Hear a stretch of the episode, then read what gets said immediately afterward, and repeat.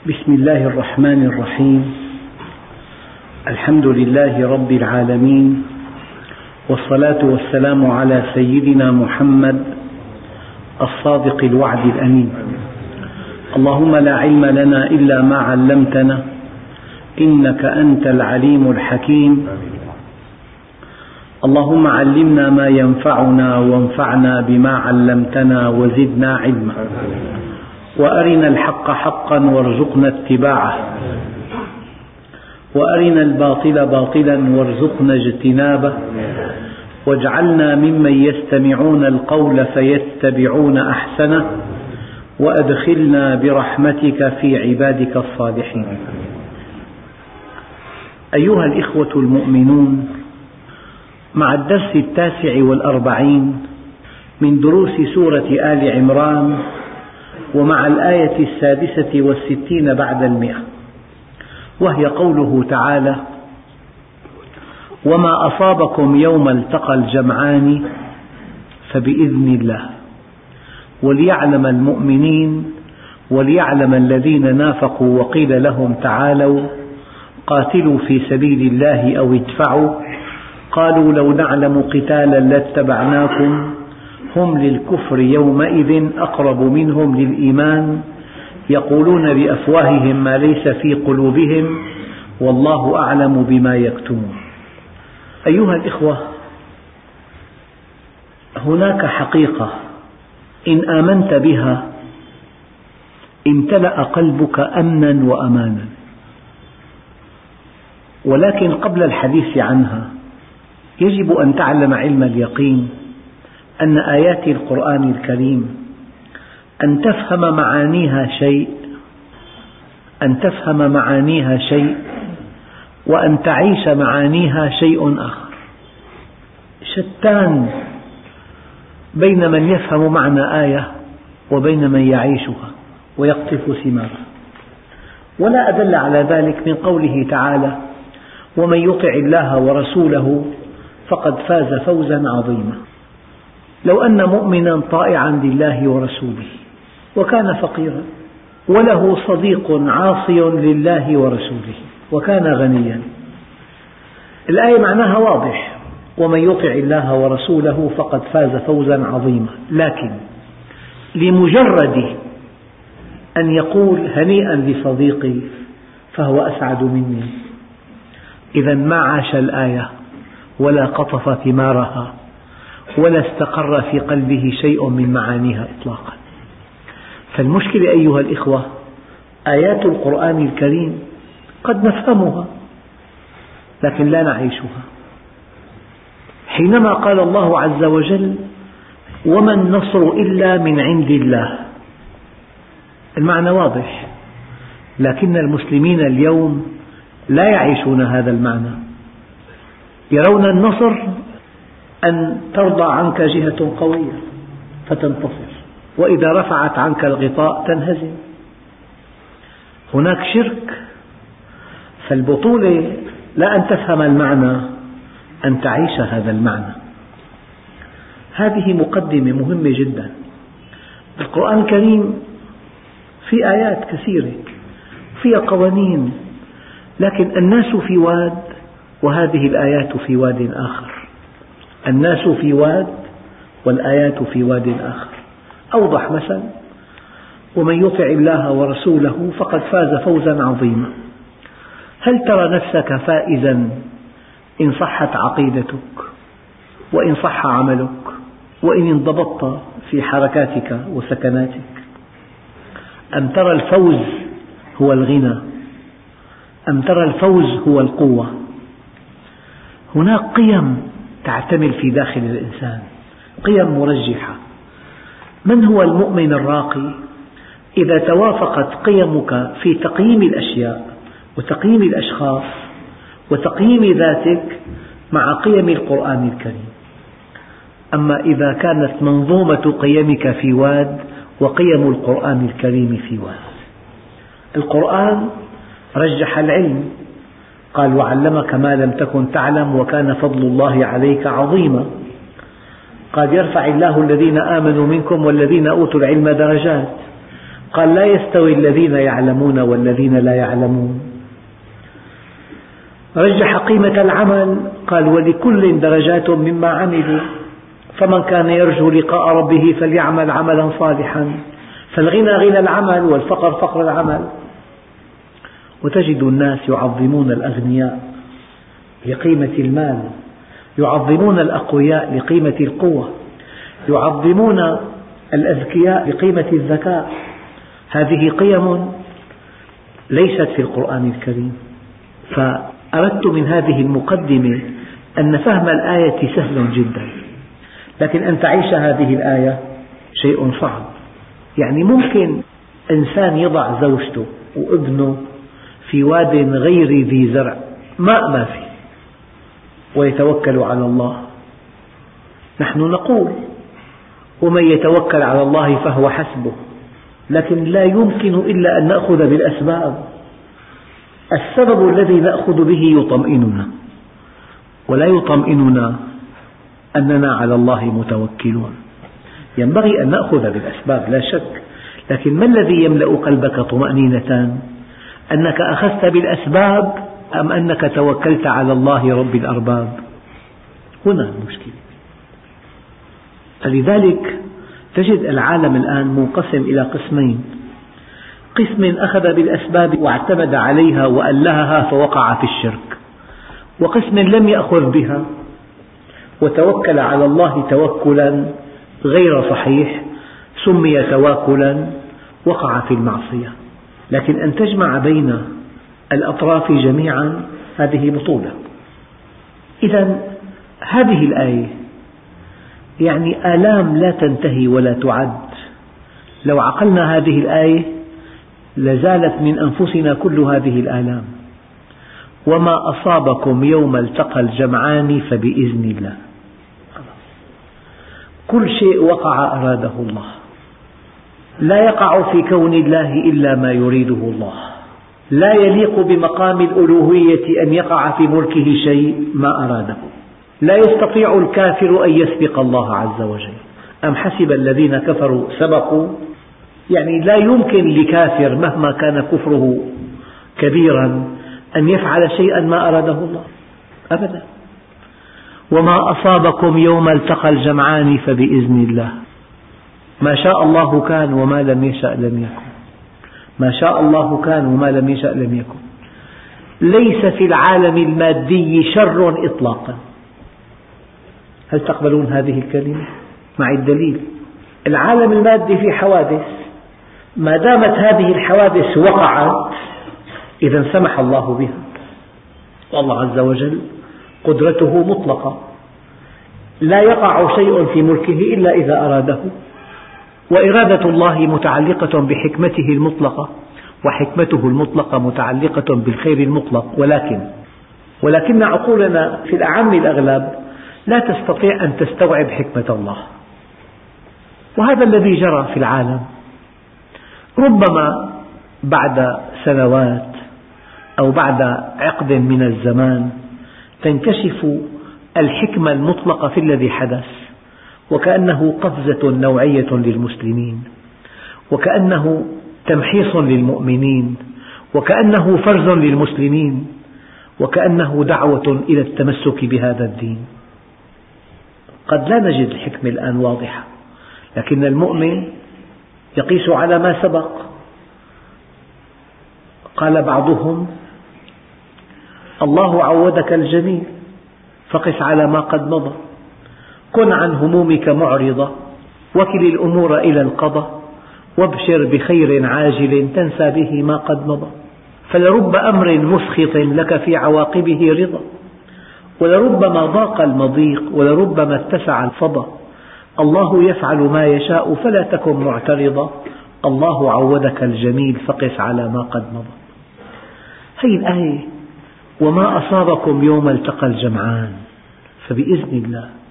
يعني النبي كان يتمنى أن يبقى في المدينة لكن أصحابه أشاروا عليه أن يخرج.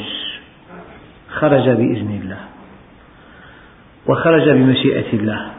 وأمر الرماة ألا يغادروا فغادروا. فالتف عليهم العدو من خلفهم بإذن الله.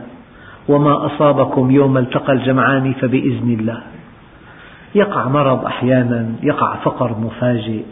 تأتي حالة لم تكن في الحسبان. يقع حجر من بناء يصيب إنسان.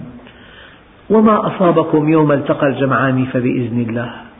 سهل جدا أن نفهم معنى هذه الآية. سهل جدا أن نفهم معنى هذه الآية. ولكنه ليس من السهل أن نعيشها.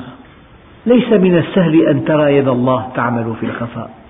وما رميت إذ رميت ولكن الله رمى. اقرأ قوله تعالى يد الله فوق أيديهم.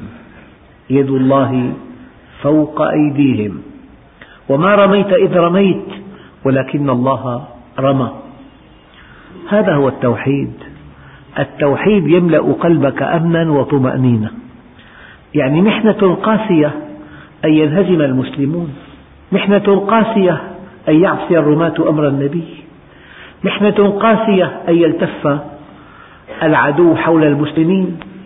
محنة قاسية أن يقتل عدد كبير من صحابة رسول الله يوم أحد. لكن ما دام وقع إذا هو لصالح المؤمنين لحكمة كبيرة جدا. وقس على معركة أحد أية معركة أخرى. وأي جفاف وأي زلزال وأي صاعقة وأي حرب وأي اجتياح وأي عدوان لكن إياكم ثم إياكم ثم إياكم أن تفهموا أنه إذا جاء قضاء على يد البشر أن ترضاه أو ألا تقاومه. هذا يتناقض مع أصول العقيدة. لو أن عدوا اجتاح أرضنا نقول هكذا يريد الله عز وجل. نحن راضون بمشيئته لا. هذا عكس الذي أراده الله عز وجل.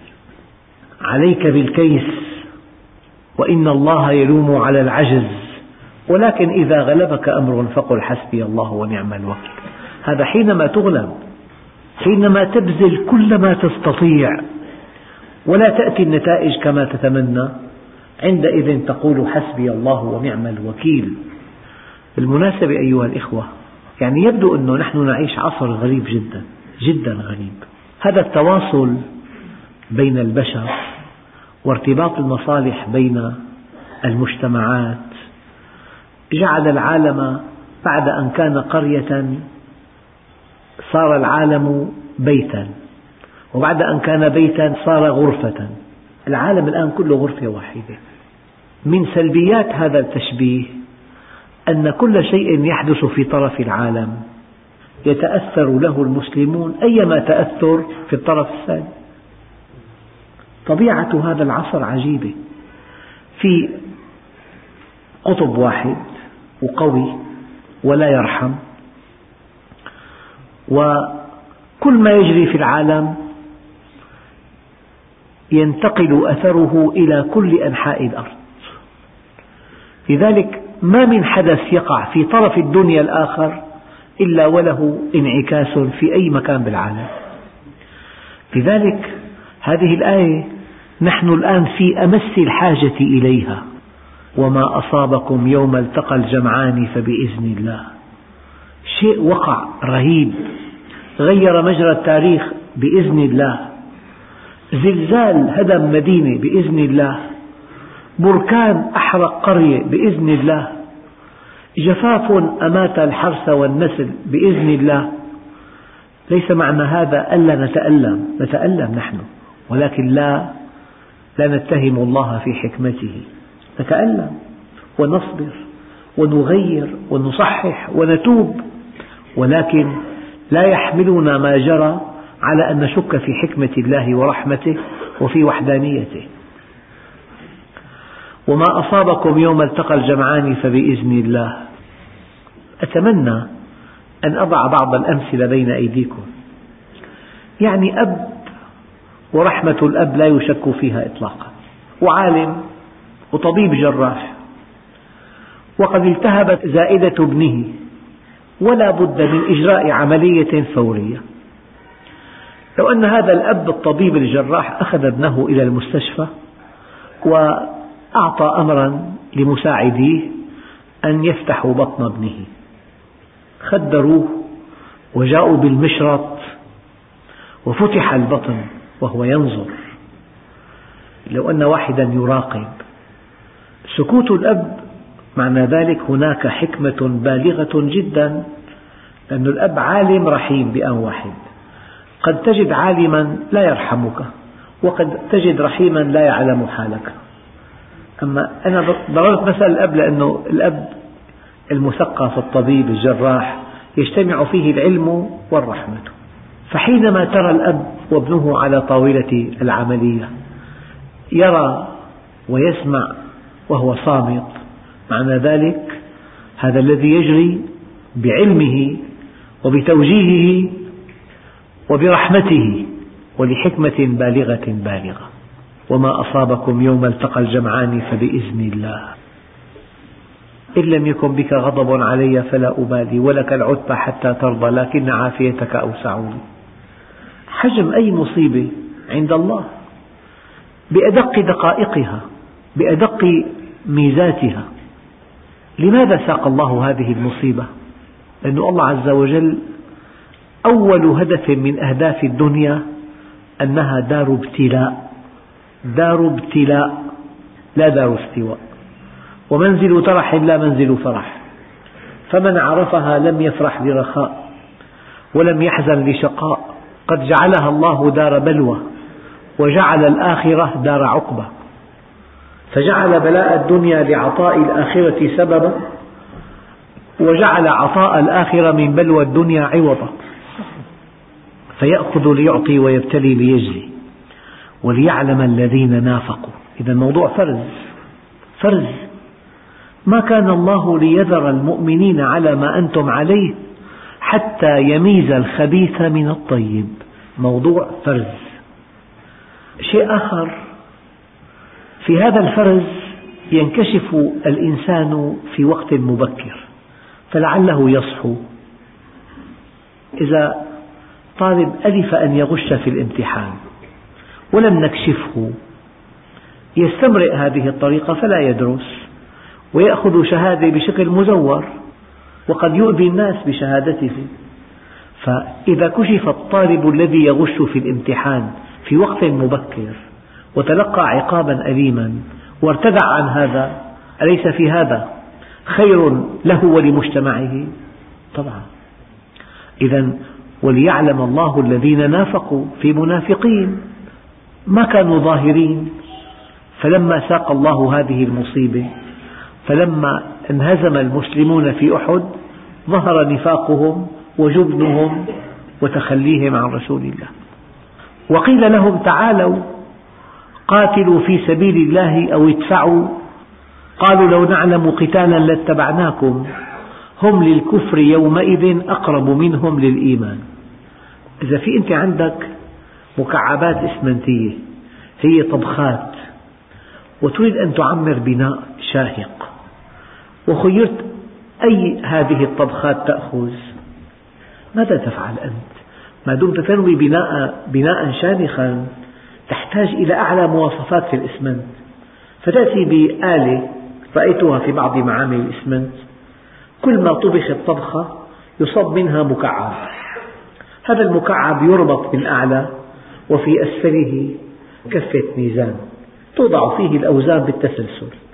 على أي وزن انقطع هذا المكعب؟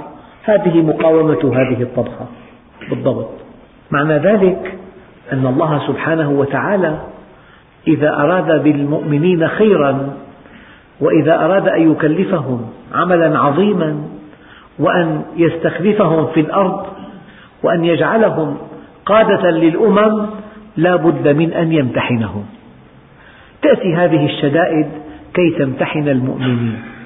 يعني كان بالقاهرة في ألف طبيب مثلا بالمستشفيات. افترض لما جاء زلزال القاهرة هكذا سمعت أو قرأت هؤلاء الأطباء فرزوا. منهم من هرب شطر الشمال حيث الأمن والدعة ومنهم من عمل عشرين ساعة في اليوم. لإنقاذ الجرحى والمصابين. فلولا هذا الزلزال الأمور غير منكشفة كلهم أطباء. الآن تجار تأتي أزمة اقتصادية. هناك من يركب هذه الأزمة ويسري سواء فاحشا على حساب مصالح المسلمين. وهناك من يقنع بالربح المحدود فلا يأخذ ما ليس له. إذا الشدائد أو المصائب المصائب محك الرجال. تظهر حقيقة الإنسان في المصيبة. وهذا شيء بديهي جدا. ما منكم واحد يمتحن مركبة في الطريق النازلة؟ أبدا. لا تمتحن المركبة إلا في الطريق الصاعدة. لا تمتحن المركبة إلا في الطريق الصاعدة. وليعلم الذين نافقوا المنافقون انسحبوا ولم يتابعوا السير مع رسول الله. فكانت هذه المعركة مناسبة كي يمتحن بها المؤمنون الصادقون أو المنافقون. وليعلم الذين نافقوا وقيل لهم تعالوا قاتلوا في سبيل الله. أو ادفعوا عن أنفسكم هذا العدوان. قالوا لو نعلم قتالا لاتبعناكم. والإنسان منطقي ويعتذر دائما. ولكن مصداقية هذا الاعتذار لا يعلمها إلا الله. يعتذر وكل إنسان آتاه الله جدلا بإمكانه أن يقدم آلاف المعاذير ولكن مدى صدقها هذا لا يعلمه إلا الله. قالوا لو نعلم قتالا لاتبعناكم قال هم للكفر يومئذ أقرب منهم للإيمان. كنت أقول دائما عوام الناس ما عندهم إلا حالتان متعاكستان أبيض أو أسود. الأشخاص يعني ولي أو منحرف. ما تعودوا على أحكام معتدلة أحكام بين بين أحكام دقيقة أحكام واقعية. فإذا قلت هذا الشيء أبيض أو أسود أنت أخذت حالتين حادتين. لكن بين اللونين بين اللونين قد تجد مئات الألوان التي بينهما. فهذا حكم هذا حكم دقيق بين بين. قال هم للكفر يومئذ أقرب منهم للإيمان. كافر لا مؤمن لا. لكنه أقرب إلى الكفر منه إلى الإيمان. إذا تأدب بآداب القرآن. عود نفسك أن تعطي حكما متوازنا. نحن ما عندنا إلا جيد جدا أو سيء جدا. هذا في شؤون الزواج يخطب الخاطب من أسرة يمدحه من في هذه الأسرة ويمدحه من يعرفه ويثنون على أخلاقه وعلى تقواه وعلى ورعه وعلى ذكائه وعلى وعلى. ينشأ ظرف بين الأسرتين فيفسخ العقد فإذا به أسوأ الناس. يعني ورد عن بعض الصحابة أن أحبب حبيبك هونا ما عسى أن يكون بغيضك يوما ما. وأبغض بغيضك يوما ما عسى أن يكون حبيبك يوما ما. هذه الآية تعلمنا الحكم المتوازن الحكم الموضوعي الحكم ما له وما عليه. المؤمن من صفاته أن رضاه لا يخرجه عن الحق وأن غضبه لا يدخله في باطل. أما عامة الناس يعني إذا أحبوا إنسان تعاموا عن كل أخطائه وإذا أبغضوا إنسانا هدروا له كل أعماله الصالحة. الحالات الحادة من صفات العوام هذه الحالات الحادة في الحكم هذه ليست من شأن المؤمن. يذكر ما له وما عليه. سيدنا عمر لما ولى سيدنا الصديق قيل له أتولي علينا؟ أشد الصحابة علينا؟ قال أتخوفونني بالله؟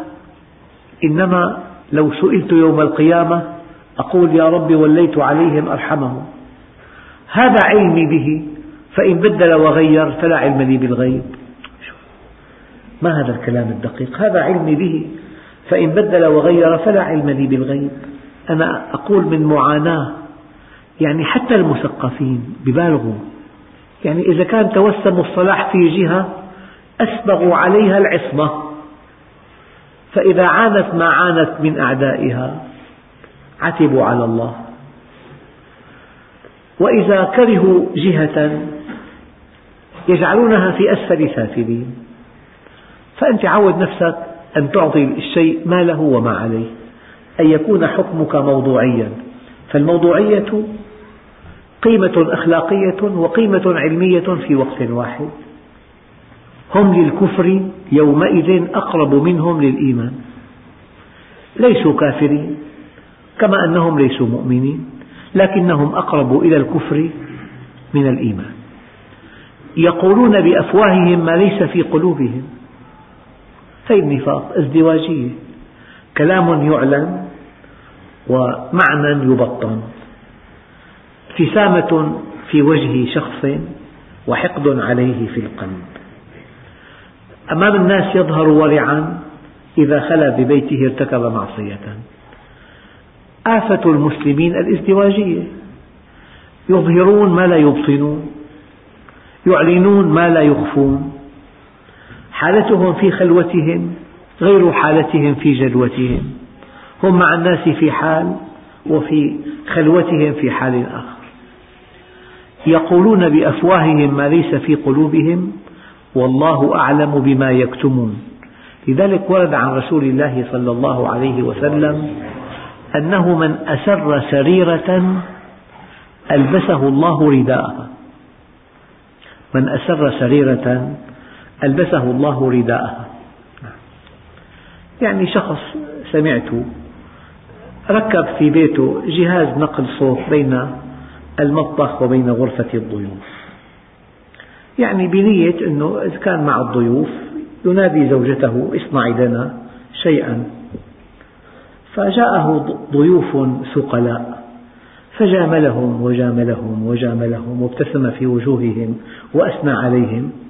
فلما وصل إلى المطبخ وكان الجهاز مفتوحا فسبهم وكان لهم كل شيء. هذه سريرته نقلت إليهم. في حالة طبعا حادة جدا. لكن الإنسان أيام يبطن شيء ويظهر شيء. هي حالة مرضية. المؤمن ما في قلبه على لسانه. وما ينطق به في قلبه. ليس عنده ازدواجية. سريرته كعلانيته خلوته كجلوته. باطنه كظاهره.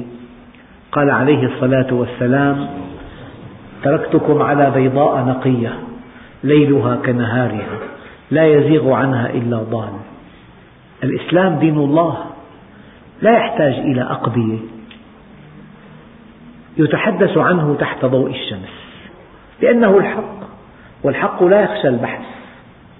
الحق لا يحتاج أن تكذب له ولا أن تكذب عليه ولا أن تقلل من خصومه ولا أن تبالغ به لا تستحي به والحق لا يخشى البحث وليس بحاجة إلى مبالغة ولا إلى كذب عليه أو له. فلذلك المؤمن علاقته واضحة. والله أكاد أقول أكاد أقول ليس في حياة المؤمن سر. كل أموره واضحة. ما في عنده شيء يستحي أن يعرضه على الناس وشيء يعرضه. إذا يقولون بأفواههم ما ليس في قلوبهم والله أعلم بما يكتمون. يعني واحد فقير جدا له عمة تملك ملايين مملينة فتوفيت فجأة وهو وريثها الكل عظم الله أجركم وشكر الله سعيكم وإن شاء الله خاتمة الأحزان. جاءه صديق قال له تهانينا. يعني يبدو حكى الحقيقة الصديق. فنحن في عنا كلام نقوله كثيرا لا نعنيه إطلاقا بل نعني عكسه ولكن التقاليد الاجتماعية. أما قال له أتحبني؟ واحد لسيدنا عمر قال له والله لا أحبك. قال له هل يمنعك بغضك لي من أن تعطيني حقي؟ قال له لا والله. قال له إذا إنما يأسف على الحب النساء. المؤمن واضح.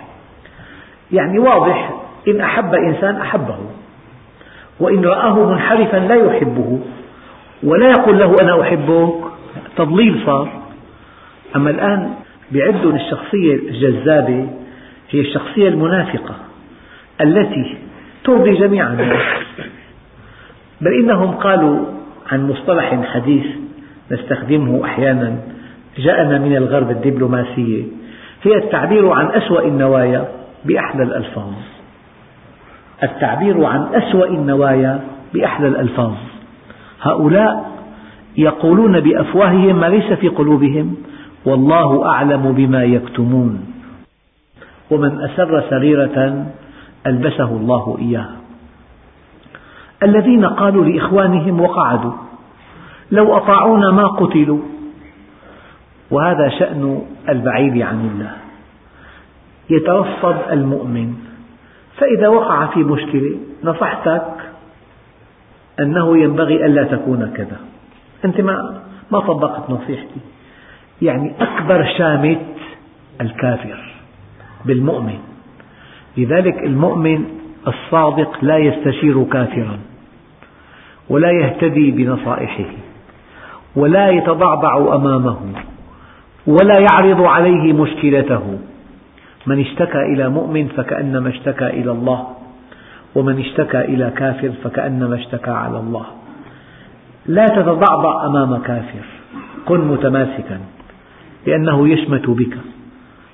الذين قالوا لإخوانهم وقعدوا هم ما قاتلوا.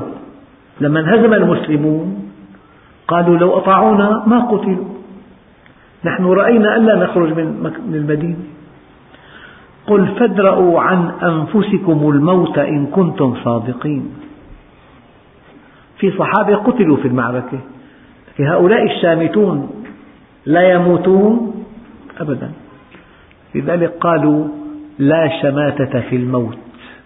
هذا قدر إلهي على كل العباد بما فيهم الأنبياء والمرسلون.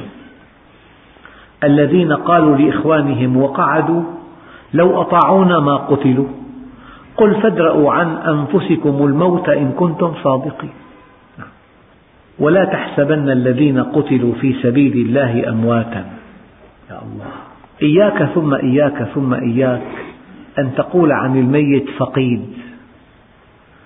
ويحيا حياة بكل معاني هذه الكلمة. إذا كان مؤمنا إذا مات على الإيمان بل إذا مات شهيدا يحيا حياة بكل ما في هذه الكلمة من معنى. والدليل هذه الآية ولا تحسبن الذين قتلوا في سبيل الله أمواتا بل أحياء عند ربهم يرزقون. علامة الحياة أنك ترزق تأكل وتشرب والمؤمن بنمط آخر بآلية أخرى بنظام آخر بقوانين أخرى بعد أن يموت حي يرزق. بل حي بأوسع ما في هذه الكلمة من معنى. ولا تحسبن الذين قتلوا في سبيل الله أمواتا بل أحياء عند ربهم يرزقون. ليسوا أحياء فقط بل هم فرحون. فرحين بما آتاهم الله من فضله. لكن لا تقل لي أنه كشفنا على هذا الميت في القبر فإذا فقد فني. هذا الذي في القبر وعاؤه الذي احتواه في الدنيا وعاؤه. أما هو شيء آخر. شيء آخر. النفس لا تموت. أما الذي يموت هو الجسم. فهذا الذي تراه في القبر قد لف بالأكفان هذا وعاؤه. أما هو إن كان مؤمنا في أعلى عليين إن كان مؤمنا في روضة من رياض الجنة. إن كان مؤمنا كما قال الله عز وجل كل نفس بما كسبت رهينة إلا أصحاب اليمين في جنات يتساءلون عن المجرمين. فالمؤمن طليق أما الكافر رهين عمله السيء. ولا تحسبن الذين قتلوا في سبيل الله أمواتا بل أحياء عند ربهم يرزقون لكن عند ربهم. لا في هذه الدنيا الفانية لا في هذه الدنيا المتعبة التي كلها هموم ومتاعب ومصائب لذلك قال عليه الصلاة والسلام حينما رأى جنازة قال مستريح ومستراح منه. فسألوه عن معنى هذا الكلام قال أما المؤمن إذا مات استراح من عناء الدنيا وأما الكافر إذا مات استراح الناس منه. فرحين بما آتاهم الله من فضله ويستبشرون بالذين لم يلحقوا بهم من خلفهم. ألا خوف عليهم ولا هم يحزنون. يعني كما قال الله عز وجل في حديث قدسي ما ترددت في شيء أنا فاعله ترددي في قبض عبدي المؤمن. يكره الموت وأنا أكره مساءته. فهؤلاء حينما عرفوا ما عند الله من نعيم مقيم لا يزالون في القبر. قبل الجنة القبر روضة من رياض الجنة أو حفرة من حفر النيران. هو حينما توفاه الله على الإيمان كان في جنة كان قبره جنة. لذلك فرح بما آتاه الله من فضله. واستبشر بالذين لم يلحقوا بهم من خلفهم. يعني مؤمن توفاه الله. له أصدقاء مؤمنون. رأى ما رأى من عطاء الله وكرمه ففرح. واستبشر لإخوانه الذين لم يموتوا بعد. ألا خوف عليهم ولا هم يحزنون. هكذا الدنيا. نسأل الله سبحانه وتعالى أن يجعل نعم الدنيا متصلة بنعم الآخرة. يستبشرون بنعمة من الله وفضل وأن الله لا يضيع أجر المؤمنين. هؤلاء المؤمنون الذين توفاهم الله عز وجل أو الذين استشهدوا في قبورهم في جنة بل إنهم في جنة يتمنون معها لو أن المؤمنين الذين تركوهم يعلمون حقيقتهم فهم يستبشرون لهم بهذه الجنة. والحمد لله رب العالمين.